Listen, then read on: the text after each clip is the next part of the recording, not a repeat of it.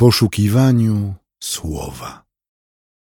Rozważanie pisma prowadzi ksiądz Piotr Gaś, Kościół Świętej Trójcy w Warszawie. Łaska Wam i pokój od Boga Ojca i Pana naszego Jezusa Chrystusa, który wydał samego siebie za grzechy nasze, aby nas wyzwolić z teraźniejszego wieku złego według woli Boga i Ojca naszego, któremu chwała na wieki wieków. Amen.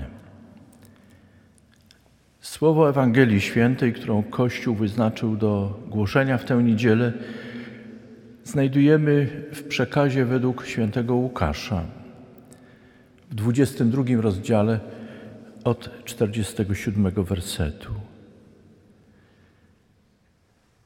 Gdy Jezus jeszcze mówił, nadeszła zgraja, którą przyprowadził jeden z dwunastu imieniem Judasz. Przybliżył się do Jezusa, aby go pocałować. Wtedy Jezus powiedział: Judaszu, pocałunkiem zdradzasz syna człowieczego? Ci, którzy byli obok niego, widząc, co się dzieje, zapytali: Panie, czy mamy uderzyć mieczem?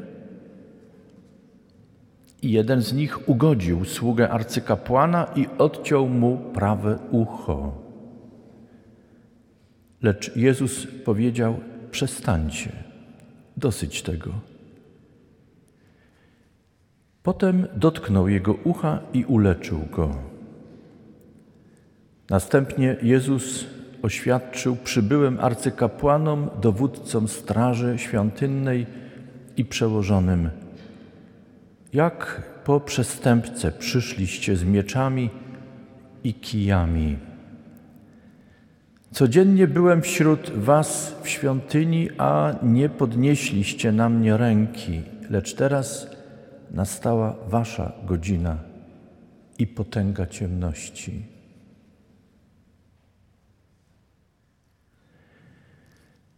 Panie Jezu Chryste, mamy pójść w Twoje ślady,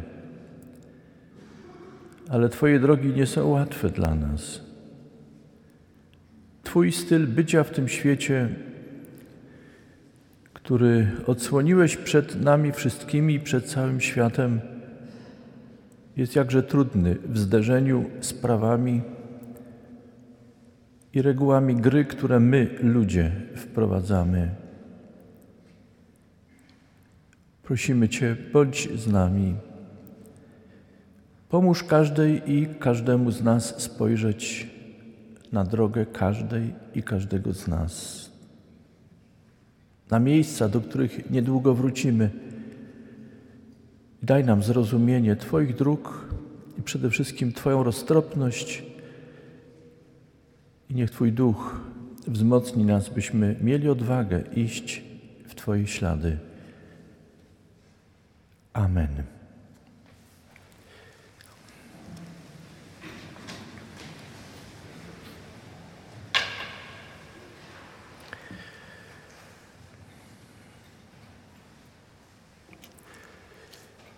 Siostry i bracia, na początku czasu pasyjnego, w dzień pokuty i modlitwy, rozpoczynaliśmy naszą wieczorną modlitwę od słowa, które znajdujemy Ewangelii Łukasza. To słowa Pana Jezusa. Oto idziemy do Jerozolimy i wszystko, co napisali prorocy, wypełni się nad Synem Człowieczym. Oto idziemy. Chrystus poszedł, zanim Jego uczniowie. Wszystko wydawało się zgodne z pewnymi przyjętymi zasadami. Mistrz poprzedza uczniów, uczniowie idą za mistrzem. Mistrz mówi, uczniowie słuchają. Ale nie do końca tak było.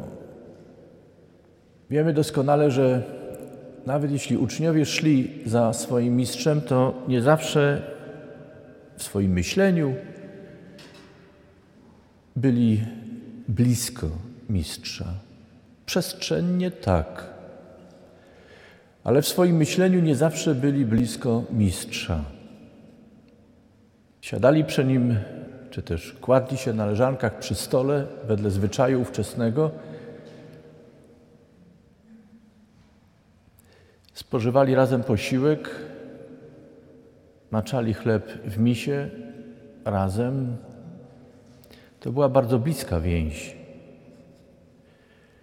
A jednak nie do końca byli z mistrzem, ze swoim nauczycielem, z tym, który uważał ich za przyjaciół. Wśród nich był Judasz. I stale co roku zwracam uwagę na to, że Judasz nie był wpuszczony do grona dwunastu po to, by wykonał czarną robotę, mówiąc potocznie. Jest tragiczną, dramatyczną postacią, która została wymyślona przez Stwórcę, żeby w dziejach świata wykonał swoją rolę, do której był przeznaczony. Stąd powinniśmy współczuć Judaszowi, w jaki sposób solidaryzować się z Judaszem i mając czasem jakąś pretensję do Boga, stanąć po stronie Judasza i mówić do Boga, jak jest niesprawiedliwy i czasem jak jest trudny wobec takich postaci jak Judasz, być może jak my. Postawia nas czasem w takiej sytuacji ludzi, którzy są wśród innych, są przez Niego dopuszczani, przez Jego Słowo w jakiś sposób niepokojeni pięknymi, ważnymi słowami o miłości i o łasce, ale w gruncie rzeczy jesteśmy tak jak Judasz pozbawieni łaski, skazani do odegrania pewnej roli, w której nie mamy szans. Co prawda inni korzystają na naszej zdradzie i złu, które popełniamy, bo dzięki naszej zdradzie czy naszemu błądzeniu Bóg coś innym pokazuje, coś innym odsłania, ale my jesteśmy straceni. Czy taki jest ogląd Judasza? I czy jest jeszcze ktoś w tym świecie, kto byłby podobny do Judasza w takiej właśnie roli?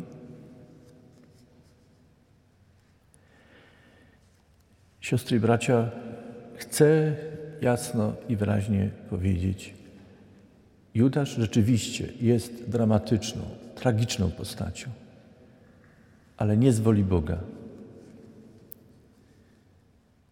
Judasz nie został przeznaczony do zdrady. Nikt z nas nie został wymyślony i powołany do istnienia na tym świecie, by wykonać jakąś tragiczną, dramatyczną rolę w życiu tego świata.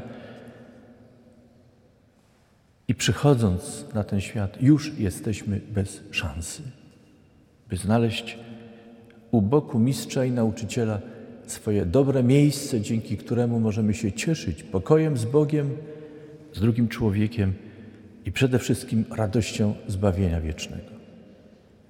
Nie ma takiej strategii w Piśmie Świętym, do której Bóg by się przyznawał i którą by uznał za swoją. Prawdą jest natomiast, że czytamy nieraz o drogach Bożych, które są trudne do zrozumienia. I nie wszystko jest dla nas jasne, przypadku Judasza. Ale trzeba być na miejscu Chrystusa i czytać myśli i serce Judasza, żeby zrozumieć, dlaczego Judasz tak, a nie inaczej postąpił. Trzeba by być w myślach Szymona Piotra, by poznać jego motywację. Trzeba by być w myślach Szawła, gorliwego faryzeusza, który w swojej gorliwości był gotów prześladować uczniów i uczennice Chrystusa, by bronić tradycji religijnej, która była dla niego ważna. Trzeba by być w myślach Piłata, Rzymianina, urzędnika, który mając władzę, mogąc tak wiele dobrego zrobić w świecie, w kluczowym momencie umywa ręce.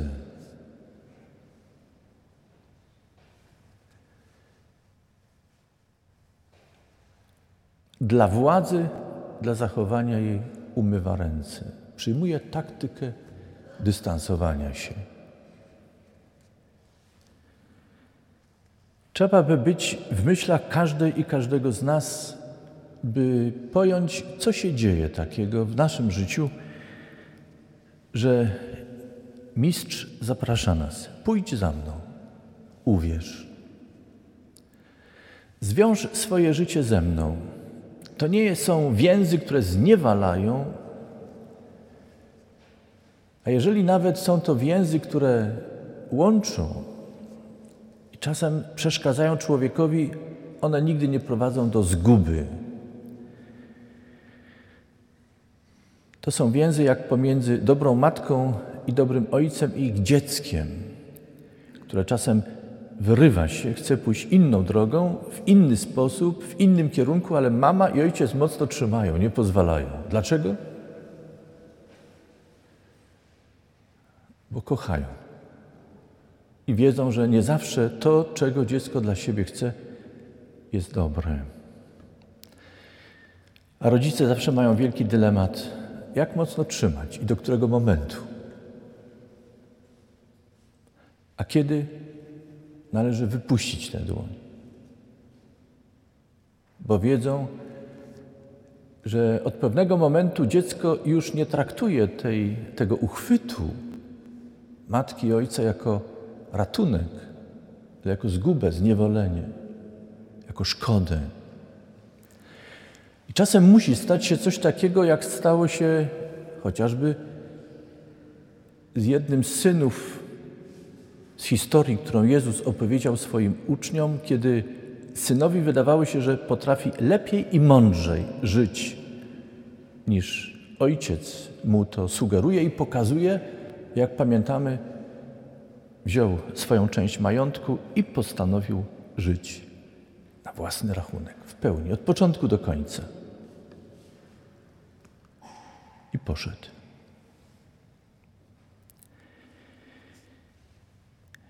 Judasz to jest jedna z historii w Piśmie Świętym. Jedna z historii, która pokazuje nam, że Chrystus nie pozoruje takiego działania i takiego sposobu odnoszenia się do człowieka, dzięki któremu każdy człowiek może znaleźć miejsce przy nim. Nawet uczeni w piśmie, dowódcy, którzy przyszli jak zgraja, jak nazwał to Łukasz, ewangelista, nawet z nimi Chrystus rozmawia i nie wyrzuca swoich emocji, w których oskarża. Jeśli dobrze wczytamy się w tekst, to przy wyczuwalnej antypatii ewangelisty Łukasza do tej zgrai, jednak Łukasz być może wbrew trochę sobie przekazuje, że w istocie było to duszpasterskie napomnienie Chrystusa. Pomyślcie, zastanówcie się. Mieliście tyle szans, by przyjść, pojmać mnie oficjalnie, w obecności wszystkich. Nie zrobiliście tego. Czy wiemy, jaka była przyczyna? Wiemy. Czytamy o tym w Ewangeliach. Bali się ludu i czekali na sposobny moment, by w cichości z boku, pod osłoną nocy, bez świadków, a jedynie posłusznych żołdaków przy ich pomocy schwytać, osądzić, skazać. Trzeba naturalnie było uknąć dobrą intrygę, wyzwolić emocje, żeby psychologia tłumu zadziałała i żeby to hosanna, które się rozległo przy wjeździe do Jerozolimy szybko zmieniło się w krzyk ukrzyżuj. Ciemny lud to kupi.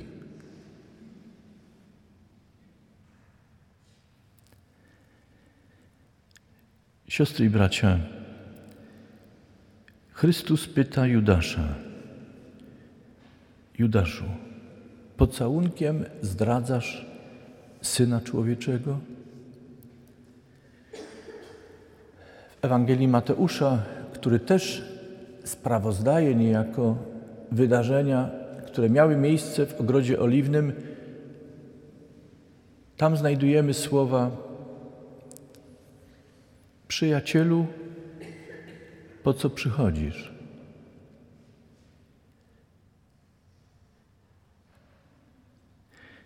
Pięknie dopełniają się te wypowiedzi, prawdopodobnie słyszane z różnej odległości, odbierane z różnej perspektywy. Wiemy, o tym rozmawialiśmy i rozważaliśmy to na pierwszym nabożeństwie pasyjnym tygodniowym.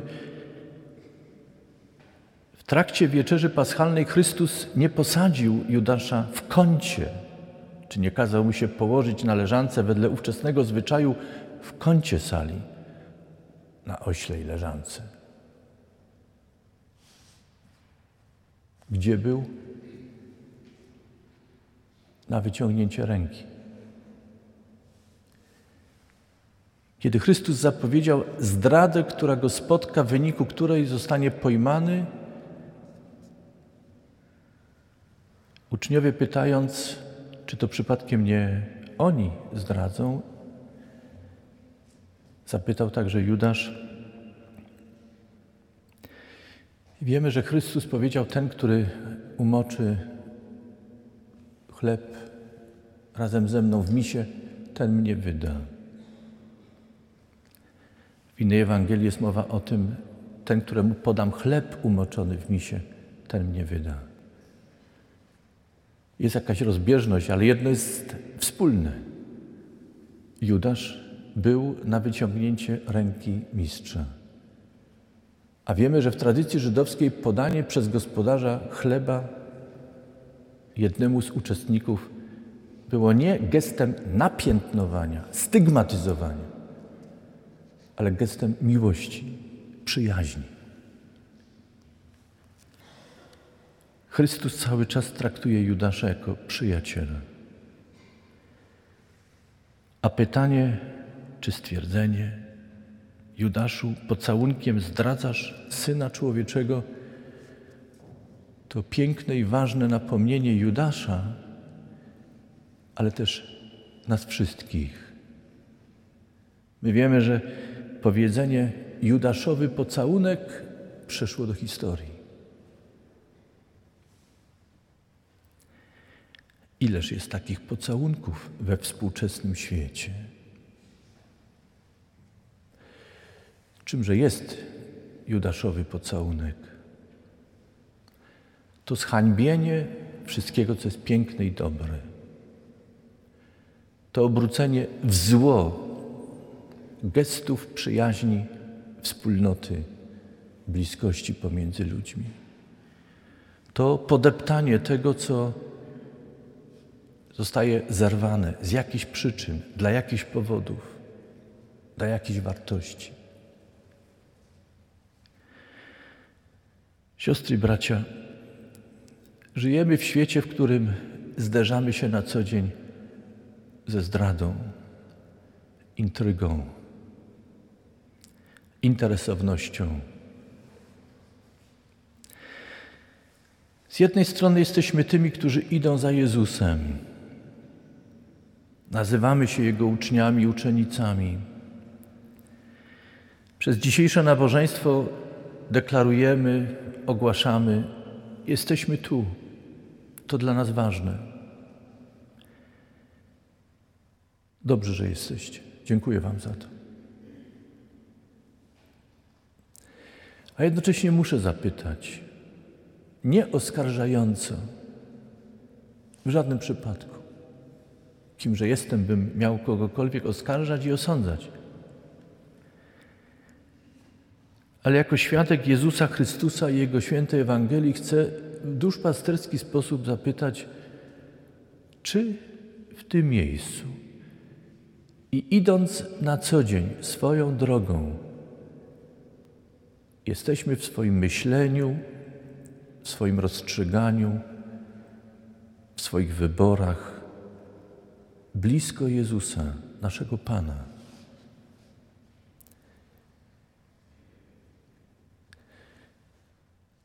Czy jesteśmy myślenia Chrystusowego, jak to w jednym z tekstów biblijnych jest powiedziane?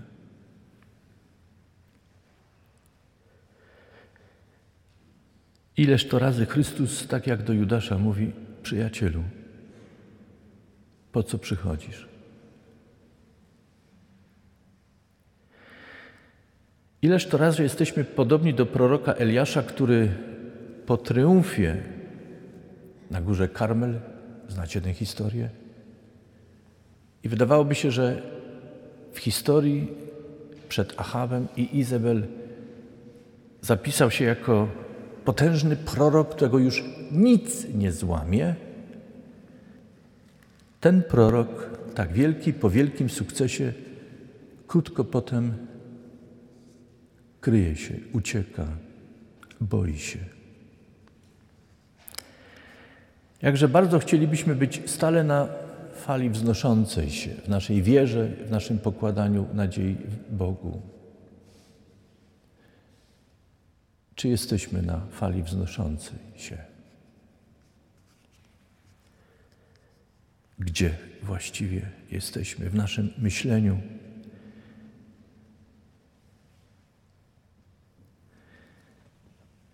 Siostry i bracia, Chrystus powiedział do zebranych tam, że ich godzina nadeszła. Tych, którzy przy swoich złych wyborach i hańbieniu tego, co najlepsze, wystąpili przeciwko Niemu. I potęga ciemności zaległa nad tym miejscem, gdzie był Chrystus. Ale my wiemy, że to nie był koniec.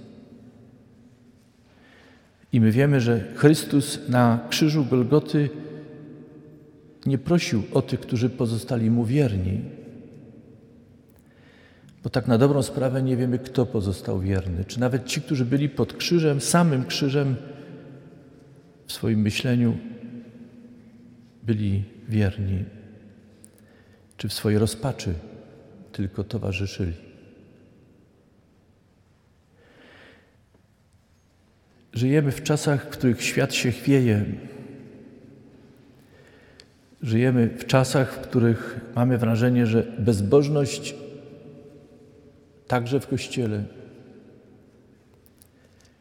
odstąpienie od Chrystusa także w Kościele przybiera rozmiary niewyobrażalne. I pudrowanie, ratowanie wizerunku Kościoła wydaje się czasem wręcz kontrproduktywne, wywołujące jeszcze większe zgorszenie. Jak przeciwdziałać? Szukać miecza, broni, siły, walczyć, zwalczać, usadzić wszystkich, którzy mają odwagę, by zapytać, powiedzieć, skrytykować, usadzić ich, zamknąć usta.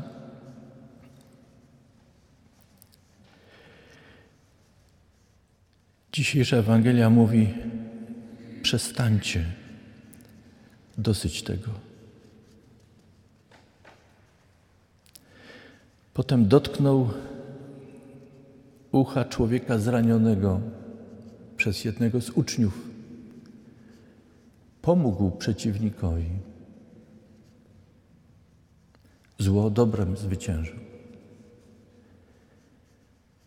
Ciemność, która zaległa wokół niego, rozjaśnił swoim światłem, światłem swojej miłości. To jest droga, którą Chrystus wytycza. O tym czytamy w dzisiejszym liście, liście do y, Efezjan, w dzisiejszym tekście. Już nie żyjemy w ciemności. Tam, gdzie jest Chrystus i gdzie człowiek opowiada się po stronie Chrystusa i idzie z nim, nawet jeśli w swoich myślach oddala się czasem i wybiera inaczej niż Chrystus, tak długo jak Chrystus jest z nami, uważajcie, nie przypadkiem powiedziałem, tak długo jak Chrystus jest z nami, nie jak długo my jesteśmy z Chrystusem, ale tak długo jak Chrystus jest z nami, zawsze ogarnia nas Jego światło. On jest z nami i nam towarzyszy. Za to niech Mu będzie chwała. Idziemy w nowy tydzień. Życzę Wam wszystkim dobrego tygodnia. Niech Was Bóg prowadzi i niech Was Bóg błogosławi.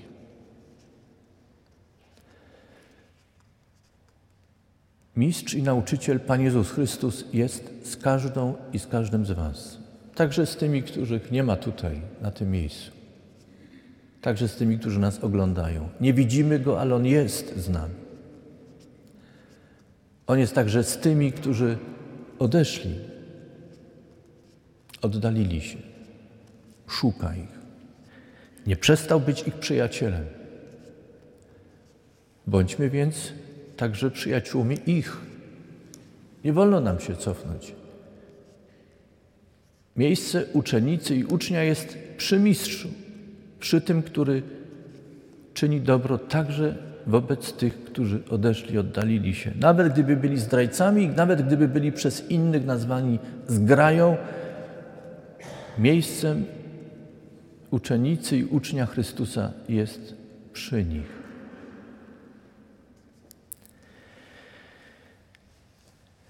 Dietrich Bonhoeffer w jednym ze swoich pism cytuje Lutra,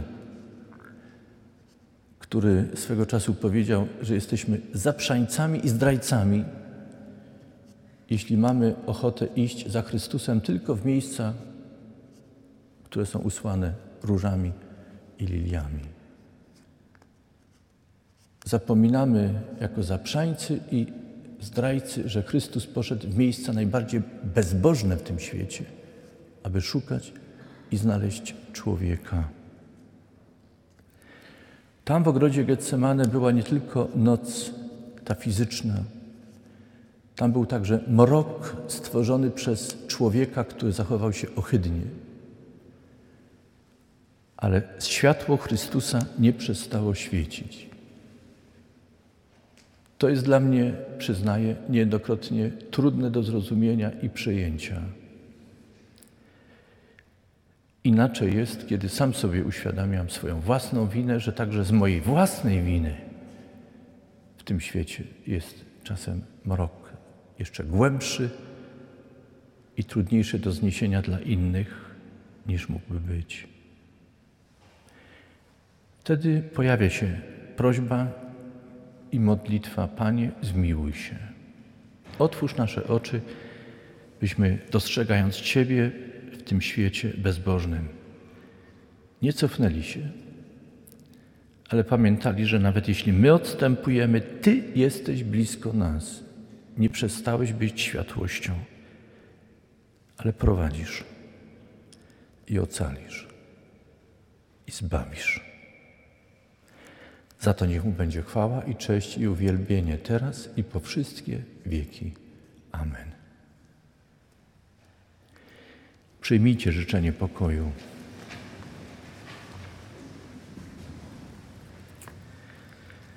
A pokój Boży, który przewyższa wszelkie zrozumienie, niechaj strzeże serc i myśli waszych w Chrystusie Jezusie, Panu i Zbawicielu naszym. Amen.